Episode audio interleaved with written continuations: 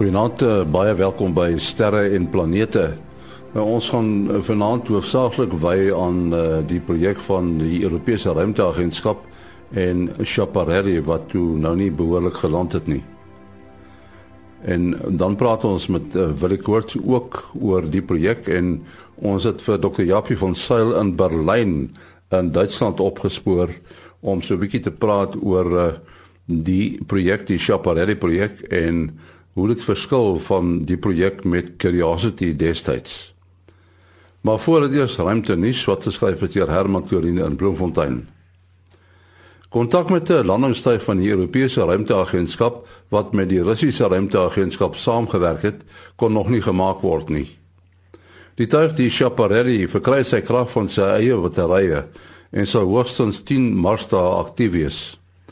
Dit bied dus nie veel tyd om kontak te bewerkstellig nie. 'n Marsdag is 'n paar minute langer as 'n aarddag. In daardie tyd sal die tuig van meer as 700 kg, as dit nie verongeluk of beskadig is nie, heelwat wetenskaplike navorsing doen. Die tuig is Sondag losgemaak van die moederskip die ExoMars wat in 'n wentelbaan om die planeet gegaan het en veral na tekens van metaangas op Mars se oppervlak soek. Metaangas kan die produk van geologiese prosesse van lewe wees.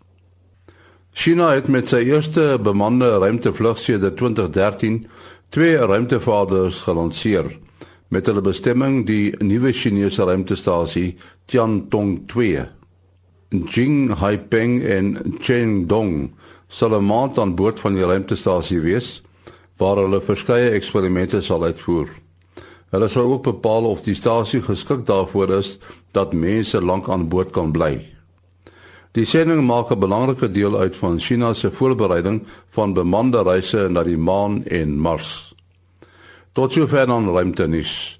Nou is ons gewoonlik Kobus Olkers en ruimte weer. Ek kan daar 'n eerstukkie kommentaar lewer en dit is dat die uh, ruimte weer dat die son se uitbarstings nie enige effekte op uh, ons Marslanding van van die van Woensdag gehad het nie.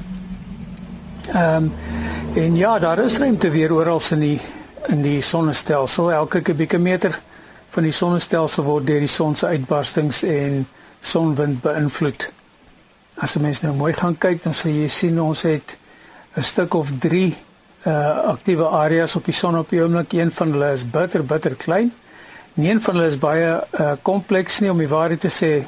Hulle is almal pragtige mooi dipole en as jy mens nou gaan kyk by die SDO webwerf dan sien kan 'n mens pragtige mooi veldlyne sien, maar nou ja, dit is omtrent al wat daar is om te sien van hierdie aktiewe areas. Gaan ons nou verder en ons kyk 'n bietjie na ons uh korona gaatjies toe, dan is daar enetjie wat vir ons 'n bietjie gaan uh, vir ten minste vir ons uh, langafstand kortgolf luisteraars 'n uh, bietjie van 'n invloed op hulle frekwensies gaan hê vir op ons amateur radio mense. Dan verder wat ons filamente aanbetref, het ons uh, twee van hulle. Een is amper van die van die van die uh, son se oppervlakte af afgeroteer weg van die aarde se kant af. Weg van die die gedeelte die gedeelte van die son wat na wat na die aarde se kant toe kyk. Die ander ouetjie is is geo-effektief op die oomblik, uh, maar ek dink sy kans is maar omtrent 15% om om los te kom. So ek glo nie ons gaan enige probleme hê en as hy sou loskom dan dan sal dit waarskynlik eers teen Saterdag se koers wees wat hy 'n probleem gaan gee. Kobus Olkers daar in Florida, Amerika met ruimte weer. Nies wat jy waarskynlik al van gehoor het is dat uh die sogenaamde Mars landingstuig van ESA Schiaparelli uh dit toe nie oorleef het nie. En dis blykbaar en dis nou wat Japie van Sail vir ons laat weet uh, daar uit Amerika uit. Hy sê die vuurpyle wat dit moes rem, het nie lank genoeg gebrand nie en hy het heel waarskynlik te hard geland en is nou sogenaamd dood op die oppervlak.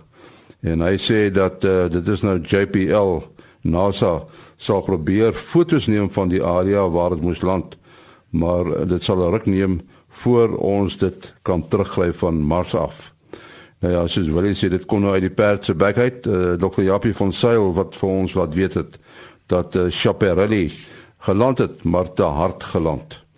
Kom ons praat 'n bietjie oor uh, Chaparelli wat die um, dit is nou nie 'n projek van NASA nie maar wel van ESA en soos enige projek van die aard het die ouens natuurlik uitgesien na dinge wat uh, kan gebeur uh, hulle het gehoop dat alles gaan goed werk maar uh, soos soms gebeur toe werk dit nie Ja, dit is nou eintlik baie jammer. Ehm um, ons weet Mars is al 'n redelike rommelterrein vir uh sendings.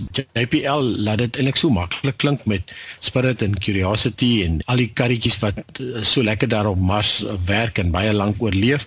In 2003 het hulle Beagle 2 uh, probeer lanseer om ook wat ook op die oppervlak sou land. Dit sou nou nie rondry nie, dit sou net op een plek sit en en dan monsters neem en so aan.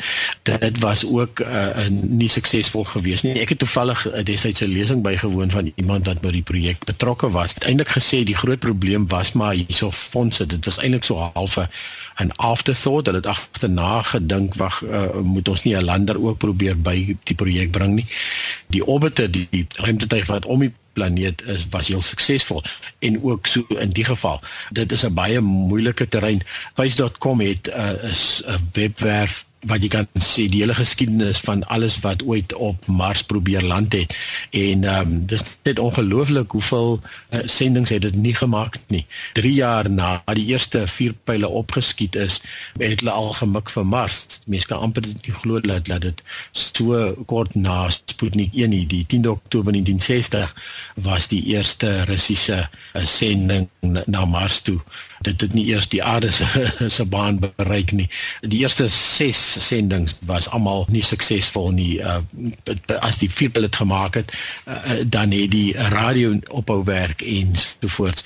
Ja, so hierdie uh, sending is deel van die ExoMars projek en die idee is om hier by 2020 uh ook 'n karretjie te lanseer wat dan sal rondry. So hierdie lander met die naam van Chaparelli, nee dit uh, toe nou nie gemaak nie. Ja, interessant genoeg, uh die naam kom van uh, die sterrekundige Giovanni Chaparelli wat mees bekend is miskien vir kanale en goed wat hulle destyds gedink het en uh wat die aard van die saak nou nie waar was nie, maar dit is baie moeilik om eintlik af te neem en dop te hou van die aarde af. Iets wat mense amper so half vergeet. Hy is ook die persoon wat die verwantskap tussen uh meteoreens en die rommelstrepe wat komete agterlos uh, uh wat hy dit gesnap het. So dit is nou sy nalatenskap. Ja, die lander self het um 3 dae terug verlede Sondag voor die uh, voor die moes land uh, verlede Sondag het die twee mekaar uit beweeg waar uh, die uh, TGO is dan nou die naam van die uh, orbiter die een wat in 'n wentelbaan gaan in in TGO staan vir Trace Gas Orbiter. Die sending is heel goed. Uh ook die, die afdaling na die oppervlak deur Chaparelli was heel goed geweest. Uh so die uh Chaparelli kom dan die Mars se atmosfeer in teen 21000 km/h en uh, dan het hy nou net die heat shields hierdie hitte skilde is beskermende hitte skilde wat verhoed dat hy nie uitbrand nie uh, en dan valskerms wat omtrent so 10 km bo kan die oppervlak uh ontplooi en dan um, soos wat hy dan nou inval doen hy dan die metings en dit was nou alles mooi suksesvol geweest en dan het hy doppler hoogtemeters wat dan uh vuurpyle begin vier stiefvuurpyle wat wat onder toe gerig is wat dan sy spoed afbring van 250 km/h tot uiteindelik 4 km/h en uh dan so 2 meter bo kan die oppervlak skakel alles af en dan val hy daai laaste stukkie is maar nog steeds net 4 km/h um, en dan 'n krummelsone wat dan uh, die skok absorbeer. En uh, dit is dan natuurlik hoe dit nou be beplan was om om te gebeur. En soos dokter Japie sê, dit lyk asof daar 'n uh, fout gegaan het met die IST4 pile se se afvuur. Mens voel so half hartseer oor die poging, maar uh, soos jy daar gesê het, uh, daar was vorige pogings om dinge te doen in die ruimte en dan misluk dit. Maar jy weet daar is mos nou een optimis wat gesê het, daar's nie so ding soos 'n mislukking in die ruimte nie, dit is maar altyd 'n leerkurwe.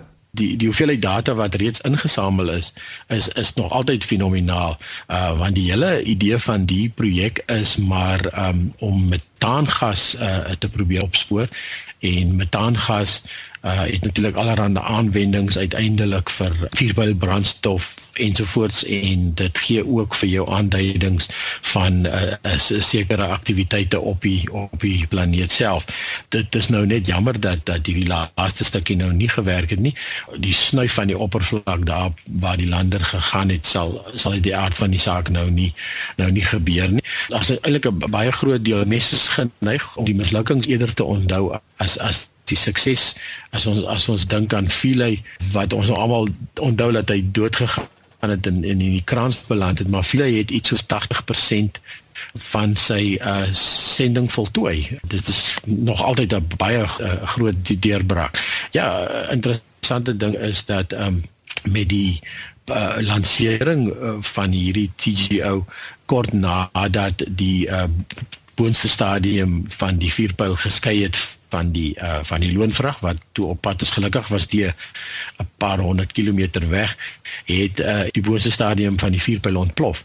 Die russe lyk dit vir my wel nie heeltemal erken dat daar 'n anomalie was nie, maar uh, daar was daar was wel aanduidings dat daar 'n ontploffing gewees het. So gelukkig het die het, het die sending daarom toe daai stukkie oorleef.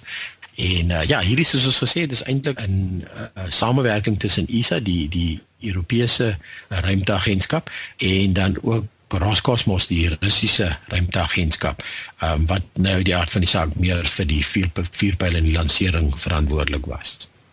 Nou goed, ek het gesê ons gaan praat oor die super supermaan wat uh, wat in, in November uh, te sien gaan wees. Miskien net jou eerste uh, baie uh, kortliks. Wat is 'n supermaan? Ja, Superman is nou eh, 'n uh, skepping van 'n persoon, 'n sterrewigelaar. Uh, uh, ons ons kry mens sterrekundiges en dan kry ons sterrewigelaars, hierdie ouens wat jou um, wat jou toekoms probeer voorspel en so met die sterre. In in 1979 het 'n persoon met die naam van Richard Knoll het uh, die term met hierdie term vorendag gekom. In die definisie van sy supermaan is maar baie arbitrair wat hy net as 'n maan eh, 'n sekere afstand van die aarde af want ons nou dink die aarde die uh, baan van die maan om die aarde is nie presies rond nie uh, soos effens ellipties. So dan sekere tye en dit gebeur eintlik maar maandeliks uh, kom die maan naby nader aan ons en dan gaan weer verder weg. En dan is daar so al wisselwerking tussen tussen die baan en uiteindelik wanneer dit volmaan is. So sy definisie is dan 'n volmaan wat dan op 'n sekere afstand van die aarde afkom wat natuurlik sal beteken die maan die maan is bietjie groter. En volgens sy definisie is daar 6 supermaane hierdie jaar. In sterkundige terme praat ons dan maar eintlik van die apogeum maan of perigeum in, in hierdie in hierdie geval en en en apo, apogeum is is wanneer dit sy verste is. Dan dit verskil maar met iets soos uh, 14% in die fisiese grootte van die maan so jy kan dit nie regtig met jou blote oog sien tensy jy 'n foto gaan geneem het toe die maan op sy verste was teenoor wanneer hy op sy naaste was met dieselfde kamera stellings en die twee fotos bymekaar sit nie. Dit word wel iets soos 'n 30% helderder, maar weer eens gaan 'n mens dit nie regtig kan vergelyk met uh, wat jy voorheen gesien het nie. Goed, en dit gebeur nou in November die die, die heel grootte, dis dis die naaste, né? Nee. Dit is korrek, ja. So op die 14de November, amptelik 1552, so dit wil sê so 10 voor 4 in die middag, is dit dan nou amptelik so eh, 'n uh, volmaan. Nou volmaan is dan uit die hart van die saak wanneer die opleiding tussen die aarde uh, die maan en die en die son presies reg is, uh presies in 'n reguit lyn lê. In, verjaar vind dit 'n uur en 'n half plaas vanaf uh, wanneer die maan sy naaste punt bereik. So dit is waar die super super nou inkom as 'n mens nou ernstig oor die ding wil raak. Dit is nogal die naaste wat hy kom in 18 jaar. Dit gaan 'n besonderse perigie maan wees. Ehm um, maar weer eens soos ek gesê het, die die verskilletjies is maar eintlik maar baie klein. Goed, wat is jou besonderhede? Ja, mense kan bel SMS of WhatsApp 072 4579208. 072 4579208. Soos ek daar aan die begin gesê het, ons het dan geslaag om met uh, eh, Dr. Japie van Sail uh, eh, kontak te maak waar hy 'n uh, eh, kongres bywoon in Berlyn. En uh, die kontak het ons gemaak net om te hoor hoe die twee sendings verskil, die een van Chaparelli en Curiosity en hoe moeilik of maklik dit is om op 'n planeet soos Mars te land. Uh, Japie, julle ouens wat so met die dinge van die ruimte werk, voel ek maar seker hartseer is as jy hoor dat Schiaparelli eintlik te vinnig gaan land het, nê? Nee. Ja, nee, kyk, dit is natuurlik 'n groot um, risiko enige tyd wanneer mense op 'n ander planeet probeer land en veral op Mars. Mense mense dink uh, omdat ons in die laaste klompie jare redelik suksesvol was, dat dit uh, maklik is, maar dit is nie. Uh, minder as 40% van uh, al die sendinge wat probeer land het daar op Mars was suksesvol. So uh, mense moet altyd in gedagte hou dat daar is soveel dinge wat moet regloop en as net een van hulle verkeerd gaan dan uh, is dit natuurlik 'n probleem en dit is nou wat ons nou weer hier gesien het dit herinner mense aan die feit dat dit baie moeilik is om daar te land. En in in die geval lyk dit my dit is die vuurpyle wat nie lank genoeg gebrand het nie nê. Nee. Ja, maar jy kyk daar soveel dinge as jy nou mooi dink as 'n mens inkom in die atmosfeer het ons eers so 'n uh, heat uh, wat ons noem 'n heat shield wat wat die wat die uh, landers beskerm. Die moet 'n man dan aan van ontslaa raak, dan moet die uh, valskerm oopgaan.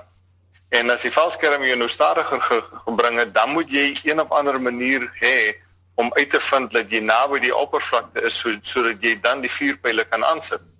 En in ons geval gebruik ons radars en in elk geval het dit nou nog elke keer het dit nou nog baie goed gewerk.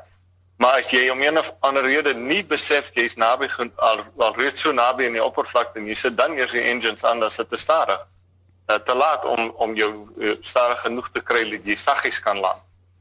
En dit is nou wat lyk my hier gebeur het. Die die uh Curiosity tuig wat uh, die die laaste tuig is en baie suksesvol is. Uh, die die laat sak met met 'n kabelstelsel, né? Ja, kyk, ons het op in daardie geval het ons die vuurpyle gebruik om soort van te gaan stil staan bo die oppervlakte. So op 'n uh, paar meter bo die oppervlakte en toe het ons die rover met kabels laat sak en op die sodra ons uitgevind het dat daar nou wel sal ek sê gewig op die wiele is, het ons die kabels afgesny en die die oorspronklike uh, tuig wat hom afgebring het, het toe weggevlieg en, en maar net elders gaan gaan land. Wat maak nie saak waar hy land nie solank dit net nie naby die rover is nie. Ja, so dit was uh, as 'n mens dink aan al daai goed wat moes reg gegaan het en ons was natuurlik baie gelukkig dat hulle almal mooi gewerk het. Ja, mens wonder nou hoekom ESA nie dieselfde manier gebruik het nie want uh, as ek nou kyk uh, na hoe dit moes gebeur, uh, klink dit vir my of uh, Schiaparelli eintlik hard moes gaan land, maar 'n berekende hard. Uh, ja, hy het uh, hy sou teen 'n uh, heelwat hoër spoed geland het as wat ons geland het. Uh, en dit was nou gelukkig vir hulle natuurlik was dit nou maar net 'n uh, toets want hulle gaan in 2020 nou met hulle werklike lander gaan probeer land uh en hierdie was nou om vir hulle om te leer. Nou ja, ehm uh, gelukkig het hulle daarom data teruggekry sodat 'n mens kan probeer uitvind wat het verkeerd gegaan en wat ons noem die sequence soos dit jy afgaan. Uh, die ander ding wat mense natuurlik moet onthou is al hierdie goeders word onder rekenaarbeheer gedoen. Mense kan nie inmeng nie want die die ehm um, ligtyd tussen ons en Mars is te lank. Ons kan nie uh jy weet uh boodskappe stuur en sê doen nou dit doen nou dat nie. Al al daai goed word deur rekenaars beheer en as enigiets met die rekenaar verkeerd gaan natuurlik, is dit ook 'n probleem. So hopelik kry, kry hulle nou genoeg data terug sodat hulle wel kan agterkom wat het wel verkeerd gegaan. Ja, soos hulle sê, geen ruimtesending is ooit 'n mislukking nie. Dit is net 'n leerkurwe, nie? En ek kyk, dis soos ons altyd sê as ons as terwyl jy iets leer, is daar nie so iets soos 'n uh, 'n mislukking nie. So ja, Ons probeer maar altyd iets leer en dis waarom ons altyd so ongelooflik baie data stoor om seker te maak dat ons kan nou na die tyd kyk as daar iets verkeerd gegaan het. En met daardie bydrae deur Dr. Japie van Sail ook die einde van ons program. My adres maas.henny@gmail.com. maas.henny@gmail.com. Tot volgende week. Mooi loop.